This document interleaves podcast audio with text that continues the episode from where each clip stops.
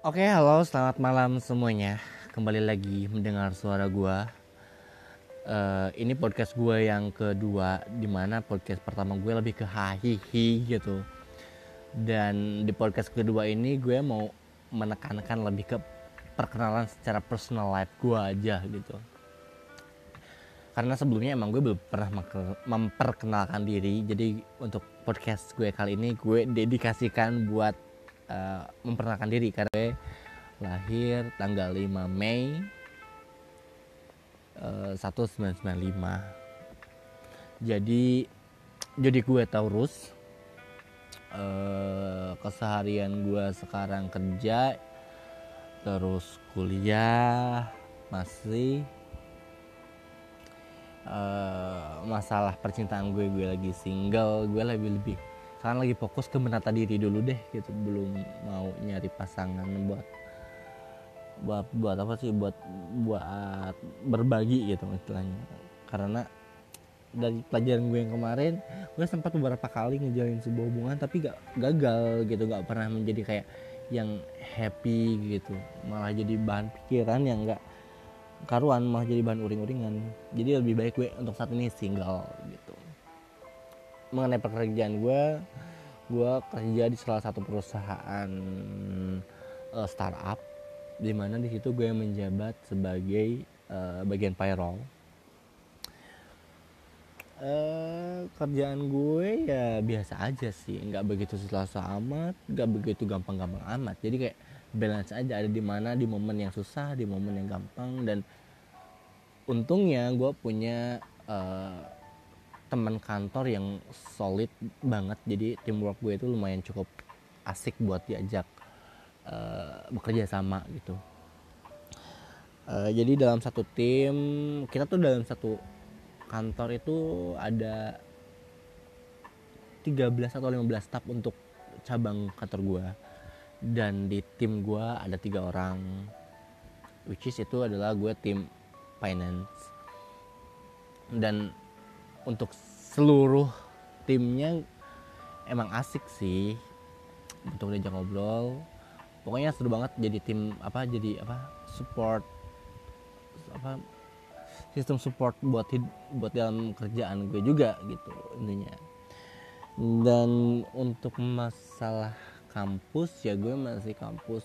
By the way dulu gue waktu kerja gue emang belum menjandang sebagai ma apa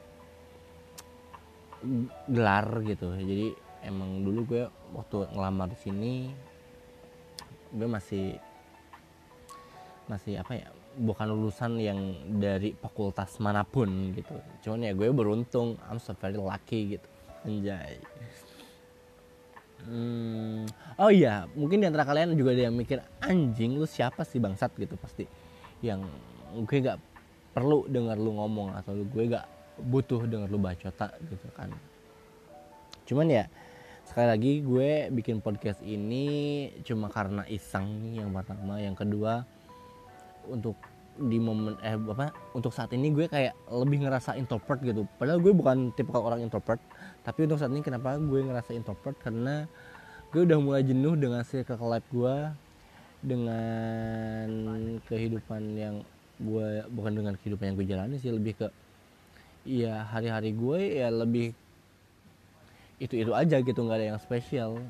Jadi gue gunain si podcast ini sebagai media gue untuk mencurahkan apa yang gue rasakan gitu. Ini gak sih? Nggak ngerti ya udah pokoknya gitu aja. Jadi meskipun di antara kalian ada yang mikir anjing lu siapa? Lu nggak penting-penting banget untuk gue dengerin. It's okay nggak usah didengerin. Tapi buat lo yang penasaran untuk diri gue dan mau tahu tentang gue ya silahkan. Ya gitu. Dan oh ya mengenai di kampus gue punya beberapa temen yang cukup akrab. Ada dari beberapa banyak banget temen dalam satu satu apa satu kelas gue. Dan tapi gue cuma dekat untuk beberapa orang doang.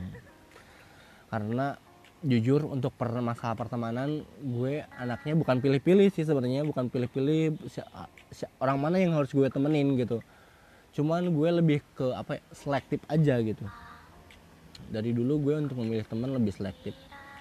Jadi gue itu tipe orang yang eh lihat dulu lihat dulu apa ya lihat dulu karakter orang untuk menjadi teman gitu. Ketika gue tahu karakternya si A kayak gimana ya cocok berteman sama gue ya udah gue mau berteman. Cuman dari beberapa orang yang ada di kelas gue gue cuma cocok berteman untuk beberapa orang aja gitu seperti itu. Jadi untuk di kampus gue nggak begitu banyak punya circle pertemanan karena dan gue nggak cukup kuat untuk bukan nggak cukup kuat sih gue pikir circle pertemanan gue di kampus itu bukan sebagai support system dalam hidup gue itu cuma sebatas ya asik-asikan aja ketika gue ada di sana gitu. Ada temen ngobrol ada temen apa gitu nongkrong dan sebagainya. Cuman untuk kayak uh, ngebuka diri gue ke mereka mengetahui gue seperti apa gitu kayak nggak seperti itu. Bukan mereka orangnya. Untuk saat ini nggak tahu ke depannya cuman setelah setahun ini gue kuliah di fakult uh, apa universitas swasta yang saat ini gue jalanin. Hmm, ya gue ngerasa belum cocok aja gitu untuk berteman sepenuhnya. Jadi mereka cuma sebatas teman bukan sahabat. Itu aja sih sesimpel itu. Dan by the way saat ini gue masih semester 4 dan itu masih jauh gue tahu. Masih butuh perjuangan masih butuh biaya dan I'm so very grateful for this karena gue mencapai segala sesuatu dalam hidup gue. Uh, yang pertama emang berkat dari doa orang tua gue exactly yes. Cuman untuk secara finansial gue sangat bersyukur. Gue nggak pernah yang namanya bukan nggak nggak yang emang nggak pernah nyusahin namanya orang tua gitu. Ataupun keluarga gitu. Karena emang niatan gue dari dulu tuh nggak mau banget nyusahin orang lain terlebih lagi keluarga gitu gue ngerantau ke Jakarta nih ya. awal mula gue ngerantau ke Jakarta itu 2000 berapa ya? 2007 kalau nggak salah 2017 gitu. 2017 kalau nggak salah. 2017 akhir gue di Jakarta di mana gue waktu itu bilang sama bokap gue tuh gue udah keterima kerja di Jakarta. Padahal waktu itu emang gue belum keterima dan gue waktu itu masih apply ngirim email-email cuman ada ada nih interview cuman nggak diterima gitu. Gue berbohongnya seperti itu karena bokap gue emang tipikal uh, orang yang khawatir akan gue gitu kan. Kalau misalkan gue ke Jakarta tanpa ada planning pasti dia ngelarang. Tapi pada momen itu gue ngebohong dan sempet kayak kabur gitu dari rumah. Jadi gue kayak kekeh tapi mak uh, dia ngelarang tapi gue maksa pergi gitu. Jadi ada momen kayak kabur gitu Nah setelah di Jakarta gue tuh sempat bawa waktu itu 2017 gue cuma bawa duit sekitar oh 900 ribu gitu apa 850 lupa lagi tepatnya. Cuman yang gue sadar itu waktu itu setelah gue di Jakarta gue duit lihat dompet cuma sisa 800 ribu inget banget tuh. Pas gue banget sampai Jakarta tuh duit tinggal 800 ribu dan gue belum dapat kerjaan dan gue gak punya tempat tinggal di Jakarta gue bingung untuk sehari gue tinggal di terminal. Serius. Kehidupan gue nggak semulus itu. Gue tinggal di terminal malam itu ya. Untungnya gue punya link pertemanan dan gue cari tahu siapa yang tinggal di Jakarta. Adalah satu teman gue yang tinggal di Jakarta. Untuk tiga hari gue nginep di rumah dia. Jadi dia ngekos di daerah ah tiga hari seminggu. Sorry seminggu gue nginep di rumah dia jadi gue seminggu itu nginep rumah dia dia tinggal di daerah Mangga Bes Mangga Besar deh kalau nggak salah. Oh bukan Mangga Besar Mangga Dua Square sorry Mangga Dua Square. Jadi waktu itu gue tinggal di Jakarta Pusat di daerah Mangga Dua Square. Dia tinggal di situ ngekos di situ. Dan gue tinggal bareng selama satu minggu. Dan waktu itu panggilan pertama interview gue itu di Hongtang Cafe yang belakangnya Sarinah. Nah, waktu itu gue interview. Setelah gue interview dulu, uh, tunggu ya mas seminggu nanti kita kabarin dia bilang kayak gitu kan. Kabarin, aduh gue bilang kalau dalam seminggu ini gue nggak lolos, terus gue cuma berdiam diri aja dan gue, waktu itu posisi gue cuma ada duit 800 ribu kayak what the fuck gitu. Gimana cara gue ngejalin kehidupan di Jakarta yang keras ini gitu kan? Dan gue juga nggak enak tinggal di temen gue selama ngontrak gue dikasih tempat tinggal kadang-kadang gue makan sama dia gitu. Udahlah gue kayak udah di momen itu terus gue bingung. Gue bingung kan tuh. Masa gue udah niat mau ke Jakarta terus balik lagi ke kampung nggak lucu dong gitu dan beker, apa gue berusaha nyari kerjaan lain di Jakarta gitu. Nyari-nyari nyari-nyari interview gitu selama dua hari itu gue nggak ganti itu dua hari itu gue nggak ngerti nyari kerjaan. Sampai akhirnya di hari ketiga gue alhamdulillah banget kenal sama orang. Terus gue kerja ngelamar ke Matahari waktu itu gue ngelamar di Matahari Department Store Gajah Mada Plaza. Ingat banget itu tempat kerja pertama gue di Jakarta Gajah Mada Plaza. Thank you. Telah memberikan kehidupan meskipun untuk mencoba bertahan di Jakarta gitu ya. Pokoknya Matahari Gajah Mada Plaza itu adalah momen ter paling berharga dalam hidup gue. Jadi untungnya gampang banget. Waktu itu gue berkas gue gue kasih malam-malam kebayang dong malam-malam gue ngasih berkas ke HRD pihak department store. Yang untungnya si HD ini temennya uh, temennya teman gue jadi pas malam pun bisa gue kasih gitu. Dan itu lumayan ngeling. Hari malamnya gue ngasih berkas besoknya gue langsung kerja. Nah gue langsung kerja di situ. Dan gue kerja setelah kerja seminggu aduh kok di yang interview kemarin yang hometown cafe yang waktu Sarinah itu gue interviewin katanya mau dikasih kabarin kan selama seminggu kalau misalkan gak seminggu gak dikabarin berarti gak diterima. Dan gue udah ber, udah pasrah di situ oh berarti gue nggak diterima. Tapi lah nggak apa-apa lah gue udah dapet kerjaan ini kan dalam hati gue kayak gitu. Masuk ke di fase dua minggu ternyata gue dikabarin bahwasannya gue diterima di perusahaan mereka untuk sebagai helper teknisi bla bla bla bla bla. Karena waktu itu basic gue lulusan uh, eh, SMK dan gue adalah uh, background education gue di bagian teknik gitu kan. Udahlah gue bilang terus di mana yang setelah dua minggu itu gua tuh itu tuh tanggal 28 apa 29 lupa lagi di mana itu udahlah hari untuk tanggal penggajian dekat tanggal penggajian. Pokoknya gajian gue itu antara 30 apa tanggal 1 lupa lagi gue waktu itu nah. Gue bingung dong kalau gue keluar dari sini terus pindah ke company yang gue interview tadi otomatis gue harus mengulang lagi dari awal terus nunggu lagi satu bulan buat dapat gaji. Sedangkan di waktu itu posisi duit gue cuma tinggal 150 ribu. Banyak kebayang dong 150 ribu mau kayak gimana ngejalin kehidupan gitu.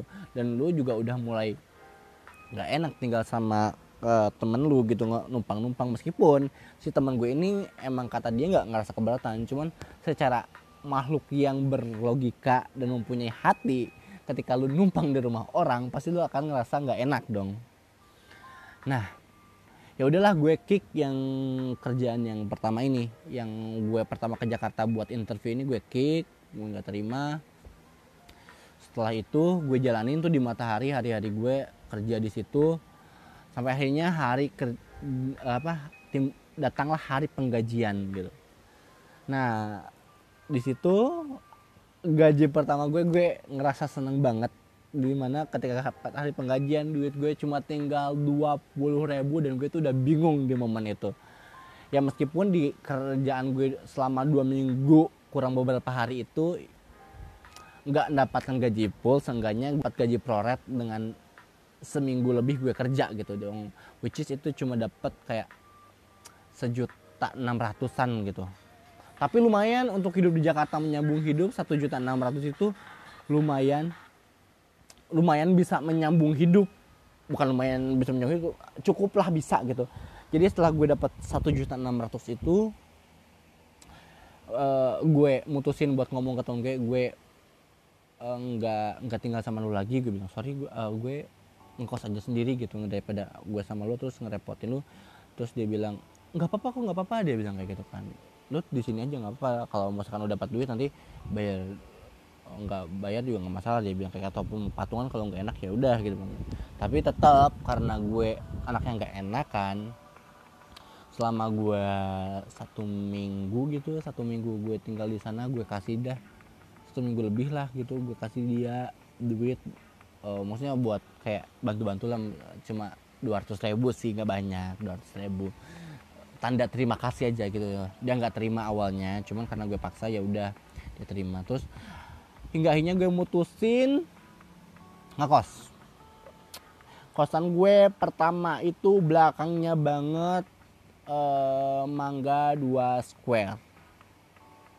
You know berapa harga kosan pertama gue? Coba tebak kosan pertama gue awalnya itu adalah 250.000 yang mana itu tadinya harganya 350 jadi 250 karena gue nawar. Dan itu kos-kosannya itu coy. triplek. Kos-kosannya itu triplek. Dan serius kalau hujan bocor kalau panas gersang banget kamar mandi tuh ya ampun. Nggak bisa bayangin dong kayak gimana lu kayak kamar mandi luar terus kayak sempit belakangnya kali yang bau lumayan. Tapi ya nggak apa-apa lah gue bilang. Daripada gue nggak tempat tinggal dengan 250 ribu gue tinggal di tempat seperti itu ya alhamdulillah bersyukur. Gitu Nah, gue tinggal di situ tuh selama dua bulan kali, dua bulan gue tinggal di situ. Kan menghemat gitu ya ceritanya. Dua bulan tinggal di situ gue. Dua bulan tinggal di situ, terus? Gue kerja di Matahari itu lumayan cukup lama kayak kayak tiga bulan setengah. Lebih tiga bulan setengah lebih lah. Gue tinggal di situ. Hingga akhirnya gue pindah kosan di, di bulan ketiga tuh ngekos bareng temen gue di belakang Gajah Mada Plaza karena gue pikir itu akan lebih menghemat kos ketimbang gue harus naik busway. Dan jarak kos-kosan yang 250 ribu gue ke halte busway itu butuh waktu paling cepat 20 menit lah. Paling cepat 20 menit dengan jalan kaki. 20 menit paling cepat dengan jalan kaki. Bayang jauh dong. Jadi belum capeknya belum kalau misalkan halusip malam. Aduh capek banget pokoknya. Enggaknya gue mutusin biar lebih hemat duit. Gue ngekos lah di belakang Gajah Mada Plaza. Di mana kos-kosan gue waktu itu agak naik dikit dari harganya 250 ribu. Jadi eh, tujuh ratus lima puluh ribu. Tujuh ratus puluh ribu kos-kosan kedua gue tujuh ratus puluh ribu. Di mana itu no AC di situ cuma ada eh, kamar mandi di luar iya. Kamarnya agak luas dikit terus agak bersih karena itu tehel maksudnya keramik gitu nggak kayak dulu. Dulu kan kayak triplek banget gitu. Dinding triplek bawahnya triplek atapnya triplek yang pakai seng gitu. Kalau ini ya udah udah kayak apa ya kayak eh, kayak kos-kosan ala kadarnya gitu. Yang kasur tuh kasur lantai ada cuma ada kasur lantai satu kipas angin satu lemari kamar mandi di luar udah gitu aja. Dan itulah udah ada cukup udah cukup nyaman buat buat tinggal mah buat tempat tinggal daripada yang kemarin mah gitu. Dan kamar mandinya lumayan bersih gitu. Ya udah deh tinggal di situ gue uh, kerja seperti biasa. Makin ke sini makin ke sini gue makin mikir gitu kayak aduh gue nggak bisa nih kerja kayak gini karena dunia retail di kerja di dunia retail kayak gini tuh emang gak cocok buat gue gitu gue pikir. Hingga akhirnya gue mikir dan coba ngelamar-lamar dapatlah gue kerja di waktu itu BRI 2 di BRI 2 di Huawei. Nah gue seneng tuh kerja di situ seneng banget karena gue dapet tim yang solid banget dapat uh, pokoknya kerja di ponsel itu enak lah. Selain lu bisa dapat komisi-komisi tak terduga dari customer lu juga ada insentif ada gaji pokok ada pokoknya banyak deh yang yang lu dapat benefitnya. Cuman yang bikin enak waktu itu ya emang karena atasannya orang Chinese. Tadi bukannya gue bersikap arogan dengan ngomong Chinese cuman emang waktu itu dia agak keras gitu ngomongnya tuh kayak agak kasar. Dan sebenarnya gue bisa tahan dengan kekasarannya itu. Cuman karena ada suatu kasus yang gue pikir aduh gak tadi gue gak bisa gitu. Kalau misalkan terus kayak soalnya lu tuh kerja udah capek-capek tapi ketika lu nggak berhasil lu dimaki abis-abisan gitu. Kayak sedih coy. Di mana harga diri lu? Gitu. Anjing so, ngomongin harga diri anjing nah udah dari situ uh, gua coba lagi ngelamar gitu ngelamar ngelamar. Akhirnya gue dapet kerjaan di sini di kerjaan gue yang sekarang. Kerjaan gue yang sekarang di mana? Di PT Intit nah gitu di PT yang ini. Jadi ini adalah suatu perusahaan yang startup yang tadi gue ceritain. Jadi gue di sini udah lumayan cukup lama jalan tiga tahun setengah jalan tiga tahun setengah. Gue kerja di sini tuh dulu tuh nggak sebagai uh, bagian payroll enggak bukan. Jadi karena gue background gue adalah teknik jadi waktu itu gue ngelamar sebagai helper teknisi di mana waktu itu gue ditawarin sebagai front end website. Oh coy gini satu hal satu hal yang gue harus tahu gue gak ngerti sama sekali tentang web bukan gak ngerti sama sekali. Gue pernah ngerti tentang website cuman untuk ngedesain website secara front end back end dan sebagainya blank. Gak tahu sama sekali. Cuman waktu itu ketika gue ngelamar dan gue ditawarin job di situ kayak lu bisa nggak bla bla bla. Oke gue bisa. Gue kayak gitu kayak senekat itu. Padahal gue juga nggak tahu itu apa. Dan gue bilang oke gue bisa. Gue pikir gue akan bisa dengan belajar secara otodidak gitu kan. Dan gue ngelamar terus gue diterima. Salary gue waktu itu berapa ya? tiga juta lima ratus gitu. tiga juta lima ratus lah ya kayaknya. Apa kurang tiga juta dua ratus gitu. Apalagi oke nggak apa-apa gue pikir karena waktu sebelum di sini gaji gue lumayan cukup lebih gede gitu. Tapi ya udah nggak apa-apa daripada gue penuh dengan tekanan dan gue keluar yang penting gue keluar dulu dari kerjaan gue yang dulu gitu. Udah gue kerja di sini coy gitu. Front end dan back end, back end itu nggak semudah seperti apa yang lo bayangkan yang lo cuma nonton Google atau nyari di Google atau nonton di YouTube terus lo pelajari lo bisa. Sebenarnya bisa kayak gitu tapi butuh proses. Dan ketika di sini tuh kerjanya emang waktu itu kayak deadline gitu deadline deadline disuruh bikin ini konten ini konten itu. Dan gue tuh kayak anjing nggak bisa. Gitu kayak gitu kan. Hingga akhirnya gue udah deh gue tuh kayak bingung harus kayak gimana. Gue mau nyari kerjaan lain bingung gak ngerjain lagi bingung. Tapi waktu itu gue udah keburu ngiyain gue bisa gitu.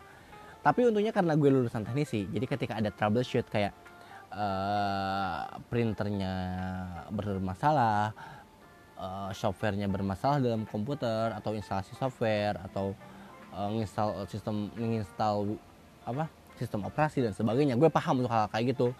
Atau membuat sebuah jaringan internet gue paham. Ngerakit komputer gue paham.